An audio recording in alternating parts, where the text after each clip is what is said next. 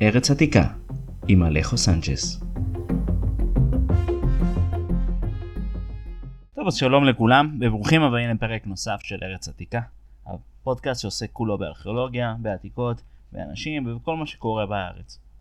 היום איתי נמצא אה, אסף פרץ, שאסף הוא גם ארכיאולוג, גם צלם וגם עוסק בכל מיני דברים מעניינים שהם קצת מחוץ לקופסה של מה שאנחנו עושים ברשות העתיקות. אה, ולמה אני אומר את זה? כי אנחנו מדברים על, על ארכיאולוגיה שהיא קצת חריגה למה שאנחנו עושים בארץ. אה, הכוונה היא לזה שכביכול על פי החוק, כל מה שהוא עתיקות הוא מה שמשנת 1700 אה, ואחורה, זה נחשב על פי החוק כעתיקה. ולפי החוק כל מה שנמצא קדום לתאריך הזה הוא דורש חפירה ארכיאולוגית בטיפול מיוחד. מה שכביכול מגיע אחר כך הוא נחשב לאנטיקה, נחשב למשהו שאולי אה, צריך שימור, אבל הוא לא בדיוק ארכיאולוגיה על פי החוק. למרות שהרבה ממצאים מאוד מעניינים ודברים חשובים קרו גם אחרי ואפילו היום. במחנות השמדה ובגטאות אה, עושים חפירות ארכיאולוגיות כדי לגלות דברים שקרו לפני 70 שנה. אז uh, יש קצת דברים שצריך אולי לטפל בחוק ולחשוב עליהם אחרת. אז אהלן אסף, מה נשמע? בסדר, מה העניינים עליך? בסדר. Uh, אני לא נוהג לתת הקדמות כל כך גדולות, אבל uh, זה בדיוק נראה לי שמתאים לפרק שלנו של היום. תכף אתה תסביר לנו למה, במה אתה עוסק. ובעצם בוא נעשה את זה כבר עכשיו. בוא תספר לנו קצת על מה, okay. על אוקיי. מה אנחנו מדברים. Uh, מלחמת העולם הראשונה בארץ. Uh, כיוון שאני גם ארכיאולוג, גם היסטוריון, uh, חשבתי על למצוא דרך uh, לשלב את זה, זה התחיל את האמת uh, די מזמן. בסוף התואר הראשון, אני, התואר הראשון שלי בהיסטוריה וארכיאולוגיה, ממש בשנה האחרונה היה 90 שנה למלחמת, לפרוץ מלחמת העולם הראשונה, לקחתי קורס עם אה, פרופסור אלון קדיש באוניברסיטה העברית על מלחמת העולם הראשונה, ופתאום מצאתי שזה מאוד מעניין אותי, כשהרבה שנים אחר כך אה, התחיל התואר השני, אה, חיפשתי איך לשלב, זאת אומרת, גיליתי תוך כדי שלדוגמה באירופה, בחזית המערבית, בפלנדריה בעיקר, מתבצעות חפירות ארכיאולוגיות, אה, של התעלות, של שדות הקרב של מלחמת העולם הראשונה, חלקן חפירות פשוט מסודרות ומדהימות, ואמרתי, אני רוצה גם לעסוק בזה. אז יופי, כשאני סיימתי את התואר הראשון, שהייתי לקראת הסוף, התחילו כל ההצעות וכל הדברים למאה שנה של, המלח... של המלחמה, אז אה, אנחנו באותו כיוון פחות או יותר. אז בסדר, אנחנו מדברים על מלחמת העולם הראשונה, 1914 עד 18, תאריכים של המלחמה, אה, אשמח שגם תפרט לנו קצת באמת אה, מתי זה נוגע לארץ, כי מה שקורה ב... באירופה זה לא לאו דווקא מה שקורה כאן, כמו שקרה גם במלחמה ש... שבאה אחריה. הדמויות המרכזיות שעליהן אתה תדבר בעיקר, אנחנו כבר, אה, חלק מהן כבר פגשנו בפרק שדיברנו עליו, על המקטרות העות'מאניות, ואנחנו מדברים על, על אותה אימפריה עות'מאנית, ש... התבססה בארץ ושלטה תקופה לא קצרה והביאה הרבה מאוד דברים ושינויים בחידושים כמו ששמענו גם כן באותו פרק אבל אנחנו הפעם לא מדברים על אותם עות'מאנים של המאה ה-18, uh, 17, 18, 19 אלא כבר ממש לסוף דרכה ולשנות ה... לשנות העשרה של המאה ה-20. מה אתה יכול לספר לנו על המלחמה הזאת? מה... טוב. מה אתה יכול לספר לנו על אה, הארץ? המלחמה בארץ מתחילה ממש בארץ פרופר אה, ב-1917, כשהבריטים אה, חוצים את כל מדבר סיני ונעצרים בעזה. יש שני קרבות, אחד אחרי השני בפרק זמן מאוד קצר, שבהם הם מנסים ונכשלים לכבוש את עזה ולפרוץ לתוך הארץ. הפיקוד הבריטי מבצע חילוף, מרי, מפקד חיל המשלוח המצרי מוחלף באלנבי, שכולנו מכירים, יש רחובות על שמו, כיכרות על שמו, והוא פורץ בסוף אוקטובר, תחילת נובמבר 1917, את קו החזית באזור באר שבע ולאחר מכן באזור עזה, ושועט קדימה אה, לכיוון ירושלים.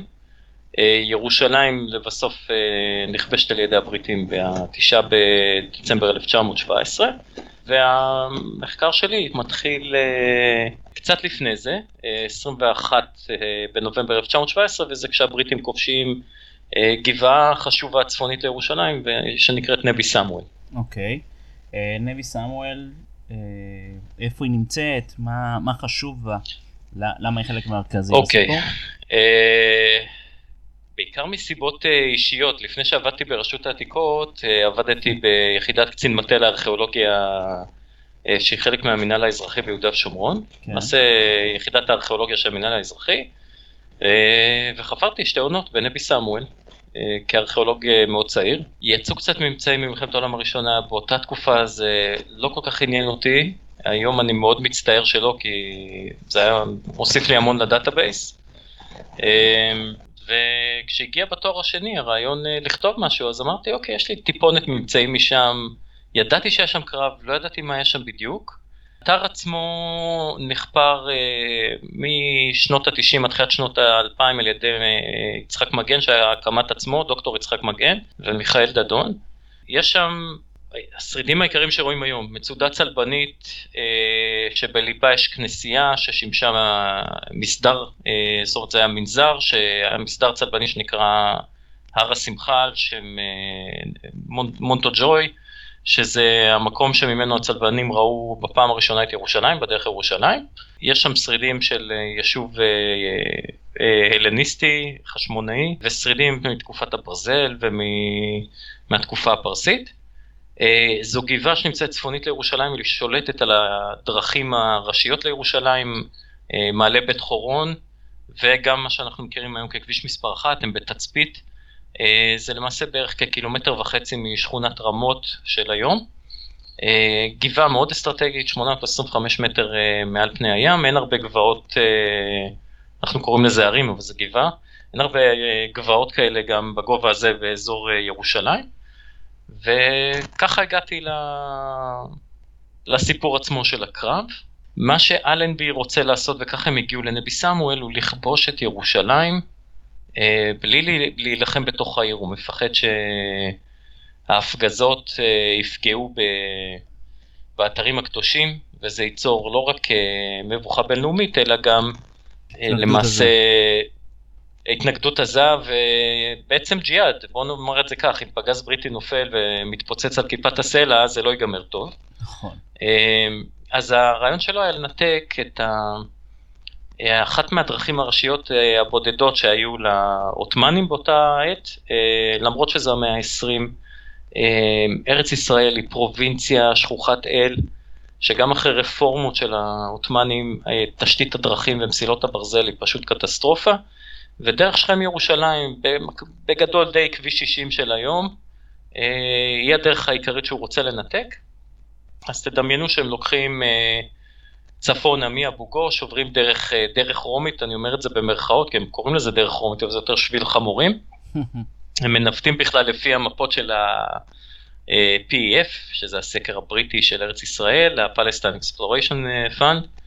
כובשים כפר בשם בידו, את בית צוריק לפניו, אחרי זה את בידו, זה כל מיני כפרים שבדרך לנבי סמואל, הם רוצים לשבור לכיוון ביטוניה, ומשם לאזור בית חנינא שועפאט, הם יסגרו את הכביש אה, שהם רוצים, את הדרך שהם רוצים שם, אבל אה, נבי סמואל שולט על האזור, ואז ברגע שהם זזים מזרחה מבידו הם חוטפים אש, כובשים את חצי נבי סמואל, ושם מתחילה, מתחיל אה, בעצם סיפור של שבועיים וחצי לחימה בלתי פוסקת באתר. מה שנקרא מלחמה, קרב uh, פרופר של מלחמת העולם הראשונה. לעמוד במקום ולראות אחד על השני. כן, בדיוק. בחלקים מאוד מאוד, אה, כן, יש חלקים מאוד אינטנסיביים, בערך חצי מהתקופה זה לחימה מאוד אינטנסיבית, וחצי מהתקופה זה רק צליפות והפגזות כל היום, אבל זה, זה לא כיף. ממש מאוד לא כיף להיות שם בתקופה הזו. חד משמעית. עכשיו, שאלה בתור ארכיאולוג שעוסק בתקופות שהן אה, קדומות הרבה יותר, כמו 98% מהארכיאולוגים האחרים אני חושב, מה, מה רואים בקרקע? מה רואים בממצא שאתה יכול להגיד לי, פה היה הקרב הזה? כי כן, בכל מקום רואים אה, בניינים שהם אה, ישנים, עתיקים, שהם לאו דווקא, כמו שאמרתי, לפי החוק הם אה, עתיקות.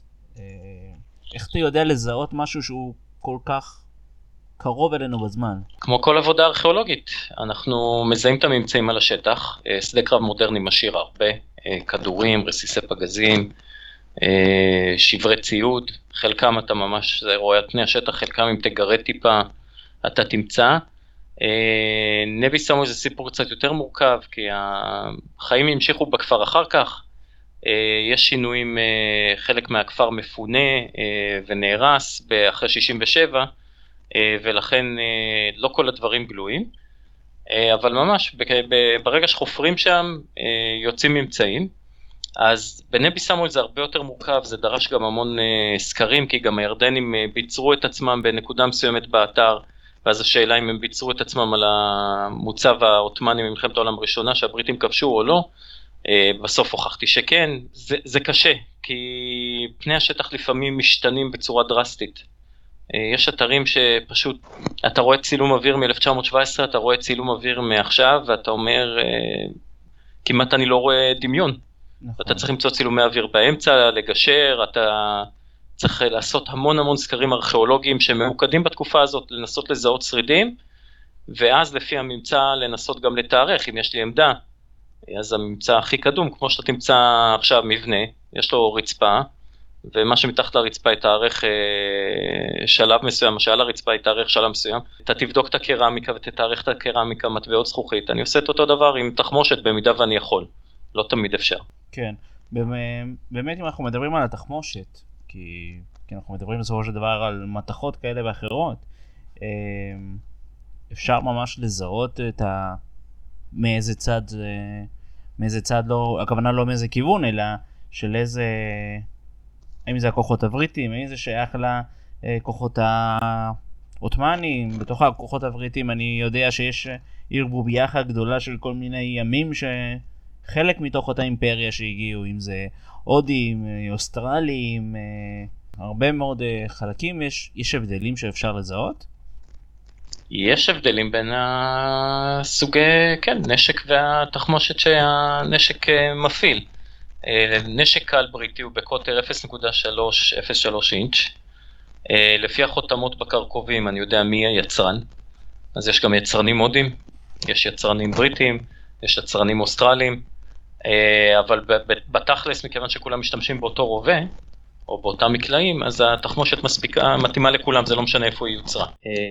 לעות'מאנים יש בלאגן בתחמושת, זה נובע מזה שאין להם, אה, האימפריה בפשיטת רגל, ולכן הם אה, מתנהלים אה, כשוק. הם קונים מכל הבא ליד, הם מנסים לאט לאט להחליף ציוד מיושן בציוד מודרני, באמצע הדרך, באמצע התהליך כשהם נכנסים למלחמת העולם הראשונה. גם עצם העובדה שאין להם קשר יבשתי לגרמניה, שהיא הספק העיקרי שלהם עד 1916, מובילה אותם להשתמש בכל מיני כלי נשק שונים ומשונים וישנים, ונשק שעלל מהיוונים, ונשק מתחילת המאה ה-19, ואנחנו מוצאים את כל זה בחפירות. ועכשיו זה, אז כשאני רואה את הממצא הזה בנבי סמואל, אז אני רואה מקבילות בדרום, אני רואה מקבילות במרכז, אמ, וזה פשוט אה, התחיל להיות אה, מרתק, והוביל אותי דרך הממצא אה, לבדוק איך הלוגיסטיקה של הצבא העות'מאני נראה. זאת אומרת אם יש להם כל כך הרבה סוגי רובים, כל כך הרבה סוגי תותחים, כל כך הרבה רימוני יד, כל כך הרבה... אה, ואנחנו דיברנו קודם לכן על הדרכים העלובות וקווי הרכבת שמספיקים לכלום. ואז התזה של דרך הממצא היה, אה, וזו הייתה דרך חדשה להסתכל על זה, זה לראות אוקיי, יש לי מערכת דרכים נוראית עם תשתית נוראית ויכולת הובלה מוגבלת. וכשיש לך כל כך הרבה סוגי נשק ותחמושת, אז אתה גם מעמיס, אתה מקשה עליה עוד יותר. כי אתה צריך לספק לכולם תחמושת שמתאימה לרובה הזה או לרובה הזה, יש כשמונה סוגי רובים לצורך העניין, 14 סוגי תותחים, 10 סוגים של רימוני יד, זה, זה פשוט מטורף. ואז התזה שלי גורסת שכשהפיקוד אה, העות'מאני היה צריך להחליט מה הוא מוביל לח... לחיילים שלו, תחמושת או אוכל, אז תחמושת. ואנחנו רואים אה, בעדויות היסטוריות מכל המקומות שבהם הצבא העות'מאני נמצא, שהצבא העות'מאני חי על האדמה, הוא בוזז את האיכרים מסביב, הוא לוקח מהם אוכל, אה, חיילים רעבים, חיילים לא לבושים, ויש לזה השלכות אחר כך על עריקות לכיוון הבריטים, וכל הדיון הזה במידה מסוימת, במידה רבה סליחה, התחיל מזה שאמרתי אוקיי זה התמונה של הממצא ובוא נחבר את זה ללוגיסטיקה של הצבא העות'מאני. אוקיי, okay. חד משמעית זה נשמע באמת כמו בלאגן אחד שלם ולא הייתי רוצה להיות המ"פ מפקדה של, ה... של הפלוגות העות'מאניות אה, נשמע באמת כאב ראש אחד גדול. אה, בניגוד לממצאים מאתרים אחרים אה, קדומים שבהם אנחנו בעיקר מדברים עם, הממצא, אם אני מדבר על תקופות באמת באמת עתיקות, שבהם אין לנו יותר מדי חומר היסטורי כתוב ש... שעליו אני יכול ללמוד וגם כן לדעת באמת מה, מה קורה בכל רגע, אתה עובד ומתמקד בתקופות שיש לנו גם את זה וגם את זה. אז אה, איפה אתה פוגש את החיבור הזה בין ההיסטוריה לבין הממצא הארכיאולוגי באמת בשטח, והאם באמת אפשר לעשות אה, חיבורים ומה אפשר ללמוד מהם? אפשר לעשות חיבורים, אה, כשזה קורה זה מאוד מאוד יפה. זה גם אה, מרגש בחלק מה, מהדברים. אני אתחיל דווקא מהמצב הגרוע. אה, וזה מעניין לראות את זה כארכיאולוג. יש לי ממצאים ביד שאני לא יודע מה הם. Okay. אוקיי. זה מדהים. זאת אומרת, אתה נמצא בתקופה היסטורית למהדרין, יש לך מקורות, יש מומחה חבלה של משטרת ישראל שעוזר לי, אה, זיו לבני, אה, ואנחנו יודעים שזה פרי תחמושת, אנחנו לא יודעים מהו, ואז אתה ניגש ל... ואתה מתחיל לשאול אספנים, ולפעמים הם מזהים את זה, לפעמים הם לא מזהים את זה, ואנחנו יודעים שזה סך הכל 100 שנה אחורה. אה, כמות המידע שהמין האנושי מאבד בתקופה כזו קצרה היא מדהימה, זה גורם לי לחשוב כארכיאולוג על מה קורה על התקופות שאני למדתי, אני התמחיתי במקראית וקלאסית. ואתה רץ פה אלפיים שנה אחורה, ארבעת אלפים שנה אחורה, ואתה אומר, וואו, אה, זה מדהים. אבל לצורך העניין, אה, אתה לפעמים מגיע לאירועים אה, מאוד מעניינים, יצא לנו דוגמה מרתקת, ב... הייתה לנו חפירת הצלה מאוד גדולה במוצא, לרגל בניית מחלף חדש, שיוצא מכביש מספר אחת לכיוון דרום ירושלים. אה, ובחלק של אה, מה שקרוב לכביש מספר אחת, אה, אזור שנקרא על ידי הבריטי, זה מוצא וקלוניה, הם שני יישובים שצמודים אחד לשני, למעשה מוצא נבנתה על אדמות שנקנו מכאן, מכאן, מתושבי קלוניה, יצא כפתור, כפתור צבאי בריטי עם סמל של חיל התותחנים המלכותי הבריטי, ויצא קצת תחמושת. אמ, בחפירה אחרת שנעשתה בשרידי הכפר קלוניה, גם לצורך בניית כביש מספר אחת החדש, כמה שנים קודם לפני החפירה הגדולה במוצא, יצא תחמושת במלחמת העולם הראשונה ומ-48, והשתלבתי לתוך המחקר בחפירה והלכתי לארכיון המדינה באנגליה, מצאתי מקורות ראשוניים, יומני מבצעים של יחידות ויומנים של אנשים, גם במוזיאון המלחמה האימפריאלי. ו... סיפור מרתק. אה, אתה מגלה איך אה, יש גדוד חי"ר בריטי, אה, הגדוד הלונדוני 2 על 18, שהוא נקרא לונדון אייריש. בקיצור, החבר'ה האלה לקראת ההתקפה על ירושלים, שמתחילה ב-8 בדצמבר 1917, נעים בלילה שבין ה-7 וה-8 בדצמבר, אה, יורדים מאזור מבשרת ציון של היום, בתוך הוואדי, עוברים בדרך קלוניה, נתקלים בעמדה טורקית קטנה, מסתערים עליה, מחסלים את מי שמחסלים, תופסים שבוי פצוע, ואז נפתחת עליהם אש תופת. אה, יש לי פשוט מכתב שקצין בריטי שולח לאשתו שמתאר את כל ההתקדמות פרט בפרט עד שהוא מסתער על המוצבים העות'מאנים שהם היום הר המנוחות. כן. אה, וזה מסביר חלק מהתחמושת שיש שם. חלק מאחר מהתחמושת שיש שם העות'מאנית, בנוסף למוצב שאנחנו מדברים עליהם, אה, יש את הזיכרונות של דוד, אה, סליחה, יהושע ילין, לא דוד ילין, שהוא אה, מראשוני מוצא, ומספר איך יש לו יחידה טורקית ליד הבית ששודדת לו אוכל מהעצי פרי, אה, והחבר'ה במוצבים בהר המנוחות באים וגונבים לו תרנגולות ופרה, וזה עוד סיבה איך התחמושת הטורקית מגיעה ליישוב, זאת אומרת מבחינה ארכיאולוגית אין לנו משהו שאפשר היה להגדיר שם כעמדה. אבל יש לנו אירועים שאנחנו יכולים להסביר איך מגיעה לי אה, תחמושת בריטית ממלחמת העולם הראשונה לשם, ואיך הגיעה לשם תחמושת עות'מאנית אה, ממלחמת העולם הראשונה לאותו המיקום. עכשיו אם נחזור לעניין הכפתור, הכפתור נמצא בשדות. עכשיו הבריטים במפות אין להם את מוצא, כי כשהם הכינו את המפות, זה היה בשנות ה-70 של המאה ה-19, מוצא קמה ב-1898 למיטב זיכרוני, ולכן היא לא על המפות, אז מתייחסים אליה כקלוניה וזה בתוך השדה. וברגע שהגדוד הקודם שדנו בו כובש את אה, הר המנוחות, את המוצבי לב וכבד, העות'מאנים, הבריטים קוראים להם לב וכבד, יוצאות שלוש יחידות ארטילריות, חטיבה ארטילרית אחת יורדת, אה, מורידה שני שליש מהכוח מאזור הקסטל, דרך הוודיות, ומתארגנת בשדה בקלוניה, ושתי סוללות, כל אחת של חטיבה ארכיאולוגית, אה, חטיבה, סליחה, של חטיבה, אה, חטיבות אה, ארטילריות אחרות, נעות לאזור ליפתא. אז הכפתור יכל ליפול מכל אחת מהסוללות האלו מהחטיבה. עכשיו, המפקד חטיבה ארטילרית, יש לי את היומן האישי שלו, והוא מספר שהוא מתעורר בבוקר בשדות של קלוניה, אה, יוצא לסיור במעלה רומאים, זה הדרך העתיקה שעולה אה, לכיוון ירושלים שהיא מאוד תלולה, אה, מבין שזה לא דרך שהתותחים שלו שנגררים על ידי סוסים יכולים לעלות את זה, מבין גם שהאויב לא נמצא בשטח, מחליט לעלות דרך כביש מספר אחת של היום, ונתקל בחבורת הקנייה של ראש העיר.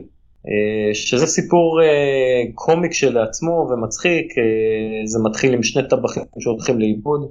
אה, בשביל, הם אה, הלכו למצוא מים להכין קקאו לפלוגת מפקדה, אה, נתקלים בחבורת הקנייה של ראש העיר, בורחים משם מהר. יש את הסיפור עם שני הסמלים שכולם מכירים, שגם מסרבים לקבל את קניית העיר, מצטלמים אמנם, יש יחד עם החבורה, יש את אריק לארסון שהוא הצלם של ה American Photo Service במושבה האמריקאית, והוא מצלם את כל האירוע, את כל השלבים, אפשר לעקוב אחרי הסיפור הזה גם עם תמונות, ואז הם פוגשים את שני הקציני סוללות שיושבים ליד אה, ליפתא, שגם מסרבים לקבל את קניית העיר, שולחים הודעה אחורה למפקדה, הם סוף סוף עושים איזשהו צעד, שראש העיר פה רוצה להיכנע, אז אה, ראש העיר מגיע, פוגש את המח"ט, למח"ט קוראים אדריאן ביילי, ואדריאן ביילי מתברר עושה את הצעדים האופרטיביים הראשונים, מקבל את קניית העיר, הוא אומר אני לא יכול לקבל את קניית העיר, אבל שולח מפקד סוללה לתפוס את בית הדואר שזה הטלוויזיה, הרדיו, העיתונות, הכל ביחד, לוקח יחד איתו שבעה חיילים, משגר את אחד המפקדי סוללות שלו עם מברק שישלח אחורה, עכשיו מברק אומר ירושלים אה, נכנעת, קולונל ביילי, כל התארים שלו ואיזה יחידה הוא שייך, אה, נמצא עם ראש העיר, מחכה לכל גנרל מהצבא שיבוא ויקבל את קניית העיר. במקרה, כשהייתי בארכיון באנגליה, את המברק עצמו אצלי ביד. וואו. הוא צולם, הוא פורסם גם במאמר, זה פשוט אה, מרגש, וכל הסיפור מתחיל מכפתור וקצת תחמושת. והסיפור מתגלגל שמגיע גם המח"ט של הסמלים, ה... אה, לא של הסמלים, של הטבחים, ויש גם יריבות בין ביילי לבינו. מי מקבל את הבכורה. וביילי כותב לאשתו אחרי זה מכתב, כי יש גם את המכתבים של ביילי שאתה קורא, והוא קורא לו בשמות, והוא אומר שהוא לחוץ, ואתה רואה את היריבות ביניהם, אה, אתה רואה את כל הפוליטיקה גם מאחורי הקלעים. גם ווטסון, מפקד החטיבה, מסרב לקבל את הקנייה של העיר, אבל מכניס את המכתב לכיס, אה, ומי שמקבל בסוף את הקנייה באופן רשמי, הוא גנרל שיי, מפקד הקורפוס, הוא מקבל אישור מאלנבי. שיי זועם אה, מאוד כשהוא מגלה שלפניו היה, היו שני טבחים, שני סמלים, שני קצינים זוטרים, ביילי וווטסון, והוא מורה לצלם להשמיד את כל התמונות והנגטיבים. הוא מכריח את ווטסון לביים טקס קנייה חדש. וואי. וכשביילי בזיכרונותיו מספר שהוא נפגש עם שי ואומר לו אתה חייב להסכים שהארטילריה היא זו שכבשה את ירושלים הוא אומר לו אתה תגיד את זה למישהו אני שולח אותך לאזרחות. אה, יש פה סיפור פשוט מדהים אבל uh, למרות ששיי ניסה לעצב את ההיסטוריה זה לא אנחנו. טוב בתור תותחן בעצמי אני, אני כבר יודע מה אני הולך לעשות במילואים הבאים. לנסות לכבוש את ירושלים.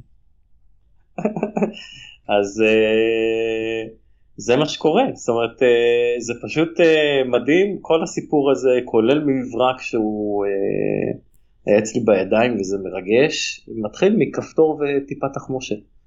והיכולת לחבר את הנקודות האלה היא מאוד מרגשת. זה ממש תקציר של כל המאמר. חד משמעית, חד משמעית. יש לך עוד איזה שהם נקודות כאלה ש...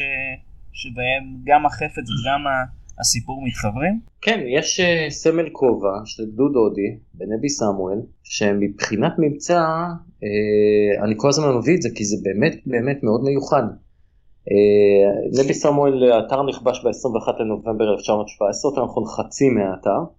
Uh, הבריטים תופסים את החלק המערבי של הגבעה עד המסגד שהוא בנוי עד כנסייה והיום גם משמש כבית כנסת. uh, והכפר הוא עות'מאני. ולמחרת העות'מאנים ממש מתעקשים לכבוש את האתר כיוון שהוא חשוב ואסטרטגי ומנהלים שש התקפות נגד במטרה במהלך כל היום במטרה לכבוש את האתר. הם מוציאים שש התקפות ומה שיוצא זה ששתיים מההתקפות, יש התקפה טורקית שיוצאת מדרום, מדרום מזרח, עולה על השיפולים הדרומיים של הכיפה, מגיעים לראש הכיפה, ואז גדוד הודי שיושב אה, במוצב העות'מאני הישן בדרום האתר, יוצא להתקפת נגד. עכשיו אחד מחבריי, אה, בני הר היום הוא סגן אה, קמ"ט יו"ש, חפר שם ב-2012, בדיוק באזור הזה של אה, החלק הדרומי של הכיפה, במורדות, קצת טיפה במורדות, יוצא שם סמל כובע.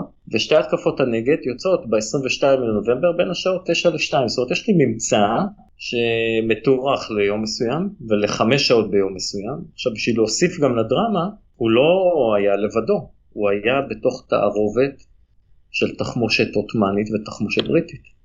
חלקה נורתה, חלקה לא. זאת אומרת, אתה יכול לדמיין שיש לך הסתערות כידונים הודית, יש לחימה, יש ירי, לחלק נופל ציוד, לחלק נופל את התחמושת, כל הערבוביה הזאת ביחד בפני שטח של החפירה.